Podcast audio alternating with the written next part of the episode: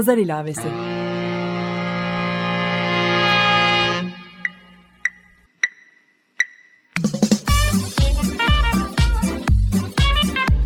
...1936'dan günümüze 80 yıllık bir zaman tüneli. Hazırlayan ve sunan Didem Özbek.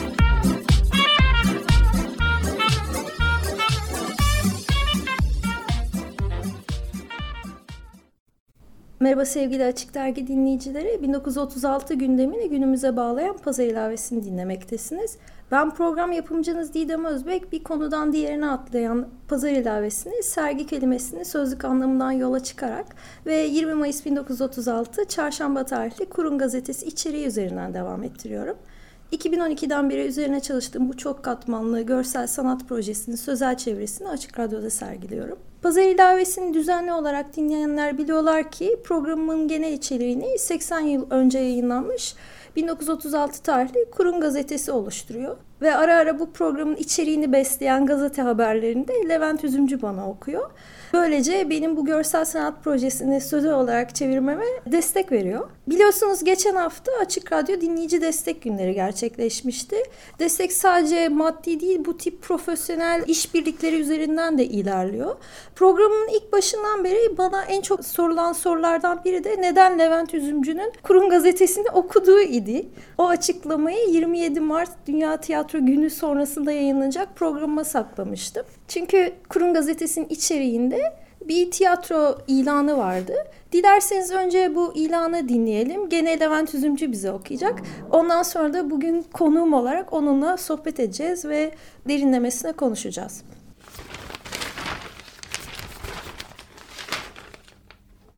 Kurun İstanbul Çarşamba 20 Mayıs 1936 İstanbul Belediyesi Şehir Tiyatrosu. Tepebaşı'nda, amfitiyatrosunda bu akşam saat 20.30'da bir kavuk devrildi. Tarihi komedi. Dört perde.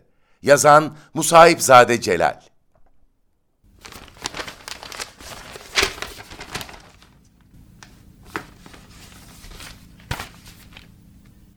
Öncelikle merhaba Levent. Merhaba. Sağ ol beni davet ettiğin için buraya. Ben teşekkür ederim. Benim projemin başlangıcı 20 Mayıs 2012 pazar gününe denk geliyor. Çünkü ben bu bahsettiğim gazetenin tıpkı basımını 76 yıl sonra o gün gerçekleştirmiştim. Benim için çok hızlı gelişen bir projeydi bu. Tarihi tam hatırlamıyorum. Nisan ayında bu gazeteye ulaştım ve çok seri bir şekilde gazetenin tıpkı basımını yapıp gene aynı gün ama 76 yıl sonra projemi başlattım. Salt Galata'da bir dizi performans, sergi ve konuşma maratonuyla. O hummalı çalışma döneminde aslında çok tarihi bir gün de vardı. 1 Mayıs 2012 yıllar sonra binlerce insan diyeyim Taksim Meydanı'nda tekrar buluştuk. Buna izin verildi ve oradaki sunucu sendin. Ben açıkçası hiç tahmin etmezdim o günden bugüne gene bir bağ olsun ama benim için bu ilişki de çok önemli. Biraz beklenmedik olmakla birlikte neden Levent Üzümcü ile çalıştığım üzerinden belki de gazete proje özelinde sen ne hatırlıyorsun o günden? Benim en çok aklımda kalan şey Aslı Öngören'le birlikte yapmıştık sunumu. Biz programımıza başladık, sunumlarımızı yaptık. Her temsilci kendi konuşmasını yaptı. Oldukça uzun bir süre sonra Ruhi Su korosu sahne aldı. Bizim de işimiz orada bitti. Ve ben işim bittikten sonra aşağı arkadaşlarımın yanına gittim onlarla birlikte geri kalanını izlemek için. 1 Mayıs gösterileri bitmek üzereydi ve şöyle bir anons duydum. Arkadaşlar lütfen alana giremeyen kortejler var. Yaklaşık bir buçuk milyona yakın insan vardı o gün orada. Onu ben de hatırlıyorum aslında sen deyince sen oyuncular sendikasıyla arkadaşlarım derken kimleri ee, genel olarak... Kim vardı söyleyeyim İştisan vardı. Sonradan başkan olduğum İştisan. İstanbul Şehir Tiyatrosu Sanatçıları Derneği. Şu an hala başkanıyım. E zaten hani oyuncular sendikası da olsa, iştisan da olsa hani hep birlikteyiz orada bir aradayız. Hepimiz birbirimizi tanıyoruz. 2012'de hatırlar mısın bilmiyorum. En önemli sloganlardan bir tanesi unutmadığım şey Suriye'de savaşa hayırdı. Düşün bak aradan dört yıl geçti. Bu dört yılda neler yaşandı? Neler gördük? Neler yaşadık? Neler yaşıyoruz hala? Ve maalesef yaşayacağız sanırım. Evet maalesef öyle görünüyor. İnanılmaz bir dezenformasyonun yaşandığı çok özel zamanlar yaşıyoruz.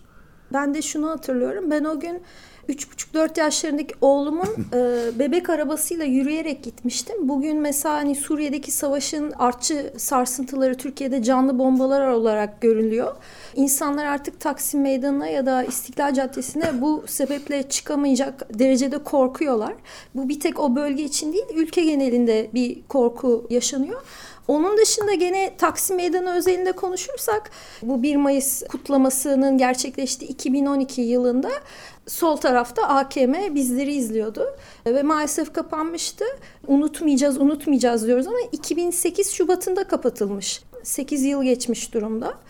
2012 Mayıs'ından 2013 Mayıs'ının sonuna geçiyoruz. Kimsenin beklemediği yeni bir gelişme oluyor. Ve tekrar Taksim Meydanı'nda bu sefer gezi süreci başladı. Senin şehir tiyatrolarından ihraç edilme sebebin olarak da bu ve daha sonrasında da Sosyalist Enternasyonel'deki konuşman gerekçelendiriliyor. Ben dinleyicilerime özellikle senin web sitende leventüzümcü.com'da Ruşen Çakır'la Periskop üzerinden gerçekleştirdiğin bir program var. Onu izlemelerini tavsiye ediyorum. Orada da belirttiğin bazı detaylar var ki ben aslında dinlerken hiç şaşırmadım. Şehir tiyatrolarına ifade vermek için 3 zabıta görevlisiyle konuşman gerektiğinden bahsediyorsun. Kültür Sanat Dairesi değil de zabıtayla hani İBB üzerinden muhatap kılınmanın hakkında ne düşünüyorsun? Bu özel bir süreç.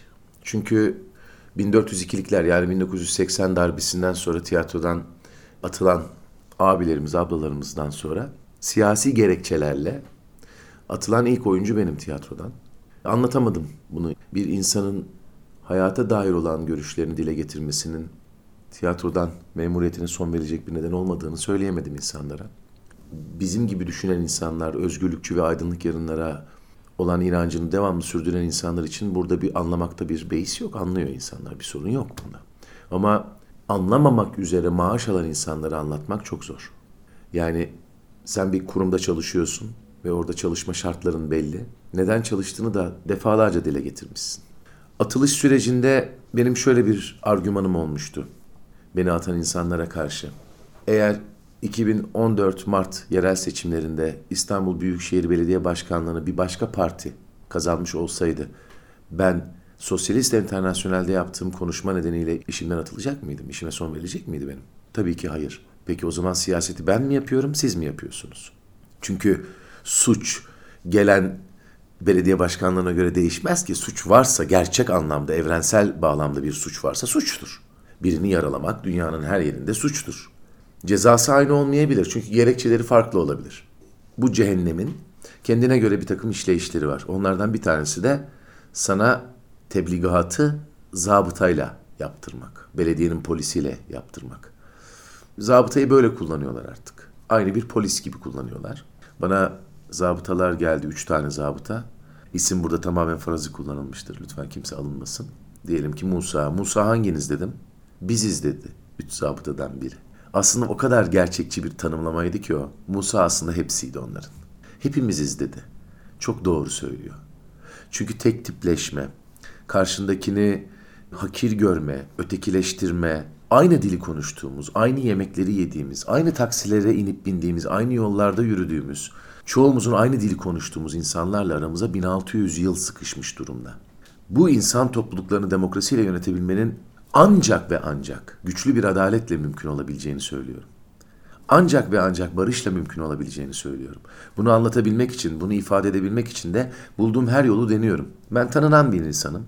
Biri bana mikrofonu tuttuğunda, biri benim görüşümü sorduğunda çekinmeden söylüyorum görüşümü. Çünkü bugün kazanacağım 3-5 kuruş adına çocuklarımın yarınını satacak biri değilim. Onlar da kendi çocuklarının yarınlarını satsınlar istemem. Babam benim yarınımı satmamak için çok çırpındı. Ben de kendi çocuklarımın yarınını satmamak için çok çırpınıyorum. Ancak yakın tarihini bilmeyen bir takım boş konuşan insanlar tarafından maalesef yakın tarihimiz yokmuş gibi çarçur ediliyor. Hayır, bizim çok güçlü bir yakın tarihimiz var. Yapamadığımız şeyler var, yapabildiğimiz şeyler var. Eksikleriyle gedikleriyle. Bu topraklardaki önemli bir devrimdir Cumhuriyet. Ve sanıyorum bizi bir araya getirecek tek şeydir de aynı zamanda. Amerika Birleşik Devletleri'ne bakalım. Ayrı dinlerden, ırklardan, mezheplerden, inanışlardan ya da inanmayışlardan bin bir çeşit insanın bir araya gelmesiyle kurulmuş bir yer.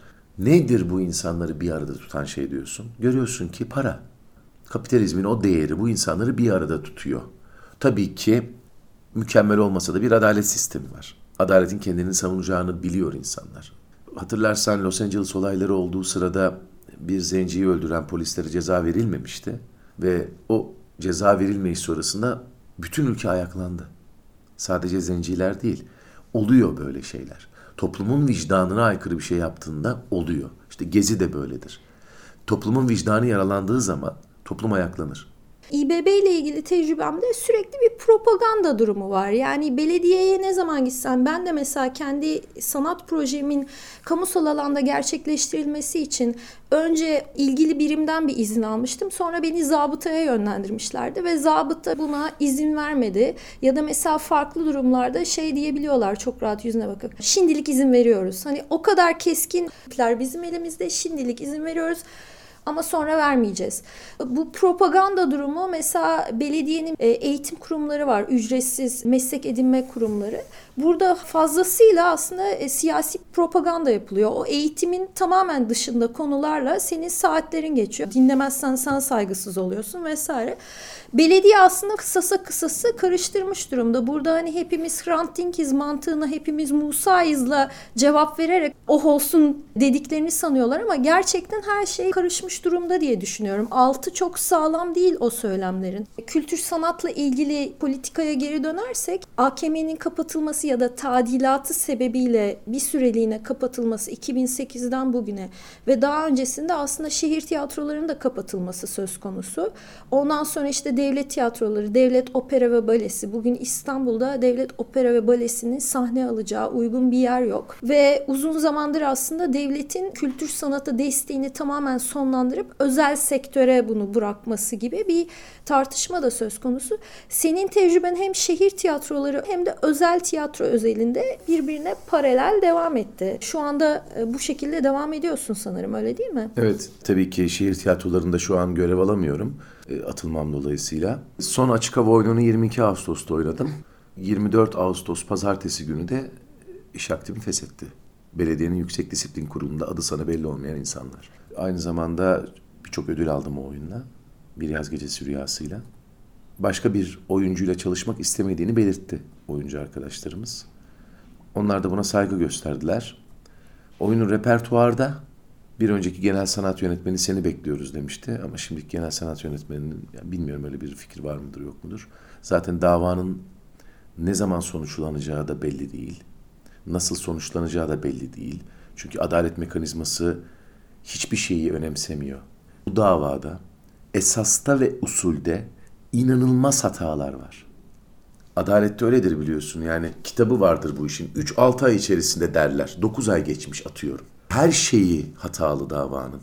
Ancak her şeyi usulde hatalı. Esasta Türkiye Cumhuriyeti'nin altına imza atmış olduğu maddelerle, uluslararası maddelerle uyuşmayan gerekçelerle atılıyorum tiyatrodan. Beni atan duruma öylesine karşıyım ki tarafsız da düşünemiyorum yani. İnsanların mahkemelere, adalete karşı hiçbir güveni kalmadı ki Türkiye'de. Yani Anayasa Mahkemesi bir şeye hayır diyor, hayır bir daha gönderiyorlar. Ben buradan bu kararın çıkmasını istiyorum diye.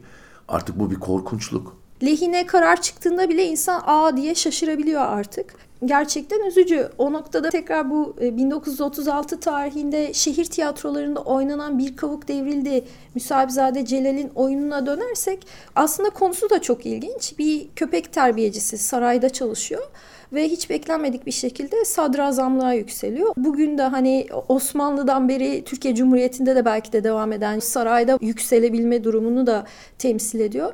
Dinleyiciler isterlerse internette 1939'da Muhsin Ertuğrul'un yönettiği filmi izleyebilirler. Hazım Körmükçü, Muammer Karaca, Vasfi Rıza Zobu gibi ustalar oynamış. Sanırım şehir tiyatroları kadrosunda da onlar oynuyordu. Senin düşüncen nedir peki? Gene bu hani Osmanlı'dan yeni Türkiye'ye bağlarsak bir kavuk devrildiyse hangi kavuk devrilecek ya da devriliyor? Şunu söyleyebilirim yani liyakat bizde bitti. Nedir? Senin orayı hak edebilmendir. Liyakat budur. Orası için donanımlı olmandır. Serbest piyasa ekonomisinde bakkal olamayacak insanlara çok fazla yetkiler verdik biz. Çünkü serbest piyasa ekonomisinde bakkal olamayacaklar çok etkili, çok kalabalıklar. Bunu anlatamadık bir türlü insanlara.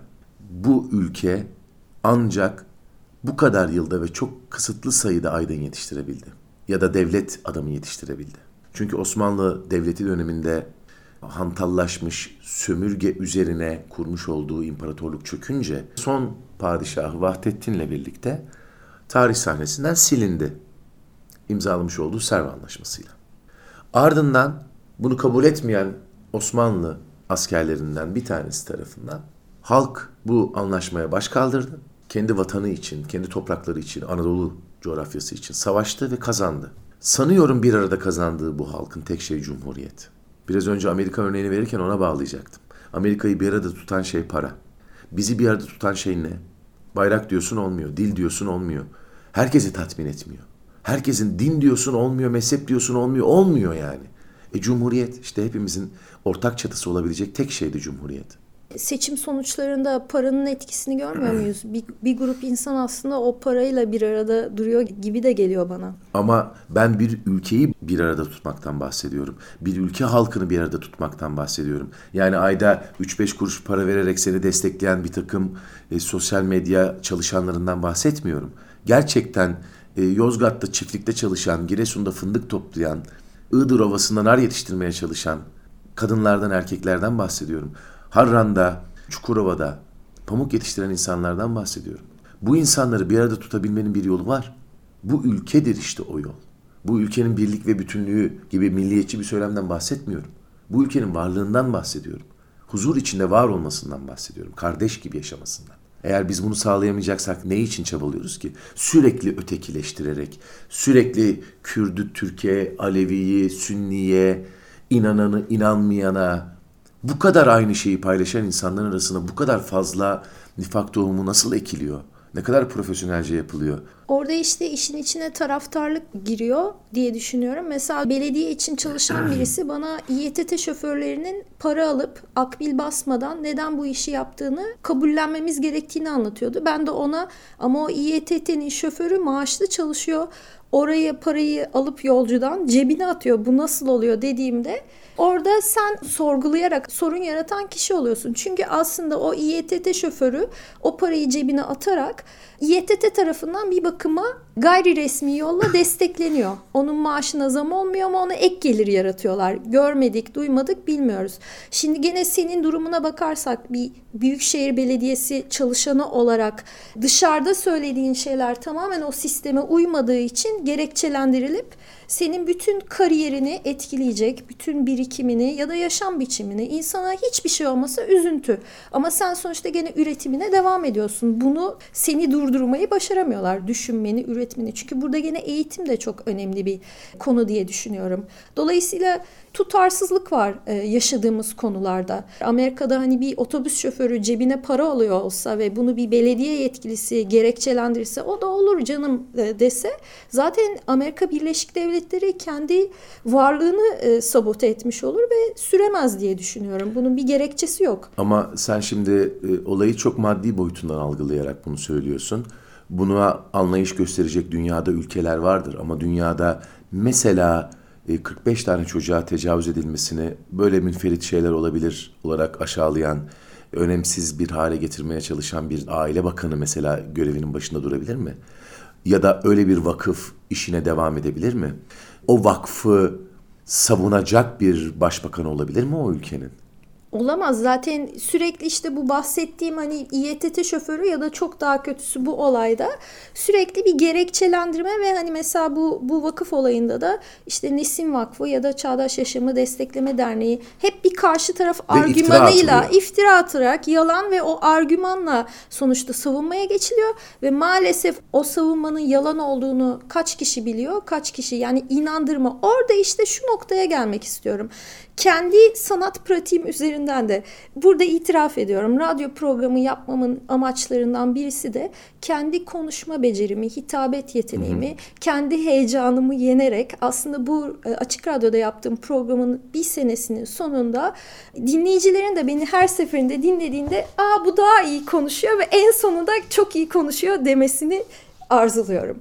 Ne o güzel. noktada e, kendimi geliştirmeyi amaçlıyorum. Sen profesyonel bir tiyatro oyuncusu olarak işte diksiyon, doğru nefes alma, bütün bunların zaten eğitimini almışsın. Dolayısıyla senin gene kariyerinde başına gelenlerin bir sebebi de profesyonel yeteneklerini doğru kullanman. Çünkü senin yaptığın konuşmaları belki de ben yapıyor olsam senin kadar etkileyici olmayacak. Diğer yandan bugünkü politikada aslında gene başarının sebeplerinden biri hitabet yeteneği. Türkiye'de sahne sanatları adına iki farklı kol olduğunu görüyorum. Bunlardan birisi işte İmam Hatip destekli hitabet. Çünkü aslında imamlık mesleği de topluluk önünde konuşuyorsun, bir konuşma yapıyorsun ve oradaki cemaat seni dinliyor, insanları etkiliyorsun. Bunun bir eğitimi olsa gerek. Sen de bir tiyatro oyuncusu olarak eğitim almışsın. Dolayısıyla hani bunu diksiyon diyebiliriz, gene sahne sanatları eğitimi diyebiliriz. Ama konuşma yeteneği aslında insanları etkiliyor. Dolayısıyla o hani sürü mantığına bakarsak eğer konuştukların ne kadar yalan olsa da insanlar buna inanmak isteyebiliyorlar, inanabiliyorlar kimin dediğiyle ilgili. Ne düşünüyorsun bu iki farklı yöntem hakkında? konuşma yöntemi arasında bir fark yok. Dürüst olduktan sonra insan sorun yok. Söyledikleri doğru olduktan sonra bir sorun yok. Ama ülkenin en yüksek düzeyinden insanlar, insanların gözlerinin içine baka baka yalan söylüyorlarsa burada sorun var. Ben yalan bir şey söyleyemem. Söyleyemem bile isteye tahammüden oturup da insanların gözlerinin içine baka baka hele hele 80 milyon tane insanın gözünün içine baka baka yalan bir şey söyleyemem ki bu benim mesleğim gibi görünüyor tiyatro oyunculuğu. Bir oyuncu muyum? olarak bir oyuncu rol olarak. yap- rol yapma. yapmak. Ama ben insanlara çıkıp da onların umutlarıyla, gelecekleriyle, bir ülkenin kaderiyle onların gözlerinin içine baka baka yalan söyleyerek oynayamam ki. Ben bunu yapamam. Ne annemden gördüm böyle bir şey ne babamdan gördüm. Ama kötülük böyledir. Kötülük ortak arar kendine. Kötülük çete gibidir. Bir mafya şebekesi gibidir. Bulduğu ortaklarla herkesi suça bulaştırarak o suçun sürekli daha gizli kalmasını ve suça iştirak eden insanların sürekli daha kalabalık olmasını sağlamaya çalışır. Ve düşünür ki ne kadar kalabalık kişi o suçu işlerse o suç o kadar küçülür ve gizli kalır. Biraz böyle bir mantıkla yüz yüzeyiz Türkiye'de. Bunu söyleyebilirim. Bunu düzeltebilmenin yolu okumuş olsun ya da olmasın her insanın vicdanına sahip çıkmasıyla düzelebilir. Kendi fanatizmini dizginlemesiyle çözülebilir.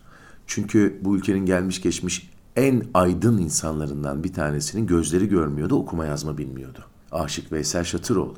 Onun için hiç kimse gelip de bana bunun okul eğitimiyle ilgili bir şey olduğunu söylemesin. Hiç kimse size okulda çalmanın kötü bir şey olduğunu gösteremez. Söyler ama gösteremez. Babanız çalıyorsa siz çalarsınız.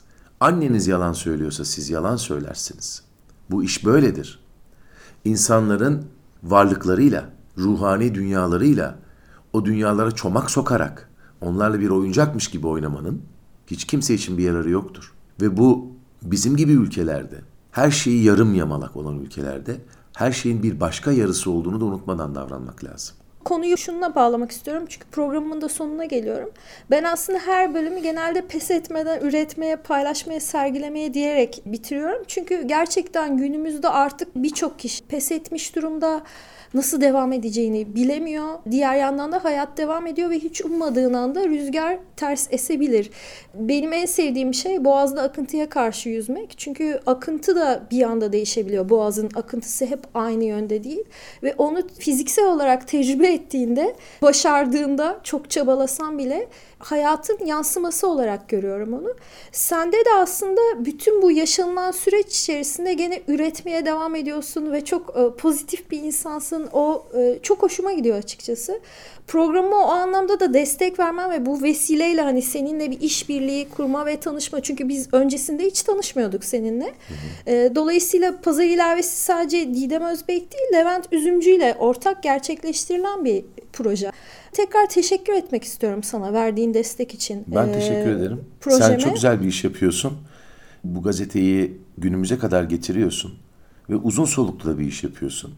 Bunun peşinden gidiyor olman, bunu benim sesimle, kendi fikrinle, oradaki insanların o haberleriyle üç tane şeyi buluşturuyorsun, bir araya getiriyorsun. Açık radyo, hepimizin nefes aldığı ortam. Hani o uçakta ağza takılan zor durumlardaki oksijen maskeleri vardır ya biraz o görevi görüyor açık radyo. Onun bir parçasısın. Onun oksijeninin moleküllerinden bir tanesisin. Sana çok teşekkür ederim ben. Ben teşekkür ederim sana. Ben teşekkür ediyorum tekrar. Ayrıca dinleyicilerime de hatırlatmak istiyorum. Levent Üzümcü'yü izlemek isteyenler şu an iki oyunla sahnedesin sanırım. Evet. Tiyatro İstanbul'da iki oyunda. Biri İstibdat Kumpanyası, diğeri de anlatılan senin hikayendir. Şöyle söyleyeyim sana, benim tatilim olmayacak. Ege'yi dolaşacağız bu oyunda çünkü bu oyun Ege'yi anlatıyor biliyorsun. Doğru. Çok özeldir Ege. E, benim vatanım Ege. Ve Egelilerle ya da Ege'ye gönül verenlerle buluşsun istiyorum oyun. O yüzden de bunun için çabalıyorum. Çok güzel. Levent Üzümcü'nün de bahsettiği gibi Açık Radyo hepimizin aslında oksijen e, Maskesi. kar- maskesi. Benim de sizlerden ricam geçen haftaki destek günleri yeni bitti ama 365 gün 6 saat Açık Radyo'ya desteğinizi ihmal etmeyin diyorum. Pazar ilavesinin içeriğiyle ilgili bilgileri Pazar ilavesi Twitter, geçmiş bölümlerin podcastini açıkradyo.com.tr ve Pazar ilavesi blogspot.com adreslerinden dinleyebilirsiniz. Ben Didem Özbek. Haftaya görüşmek üzere.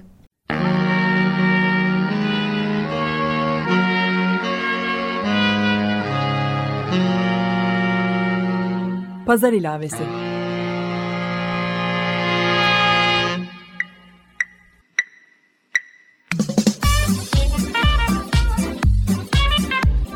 ...1936'dan günümüze 80 yıllık bir zaman tüneli. Hazırlayan ve sunan Didem Özbek.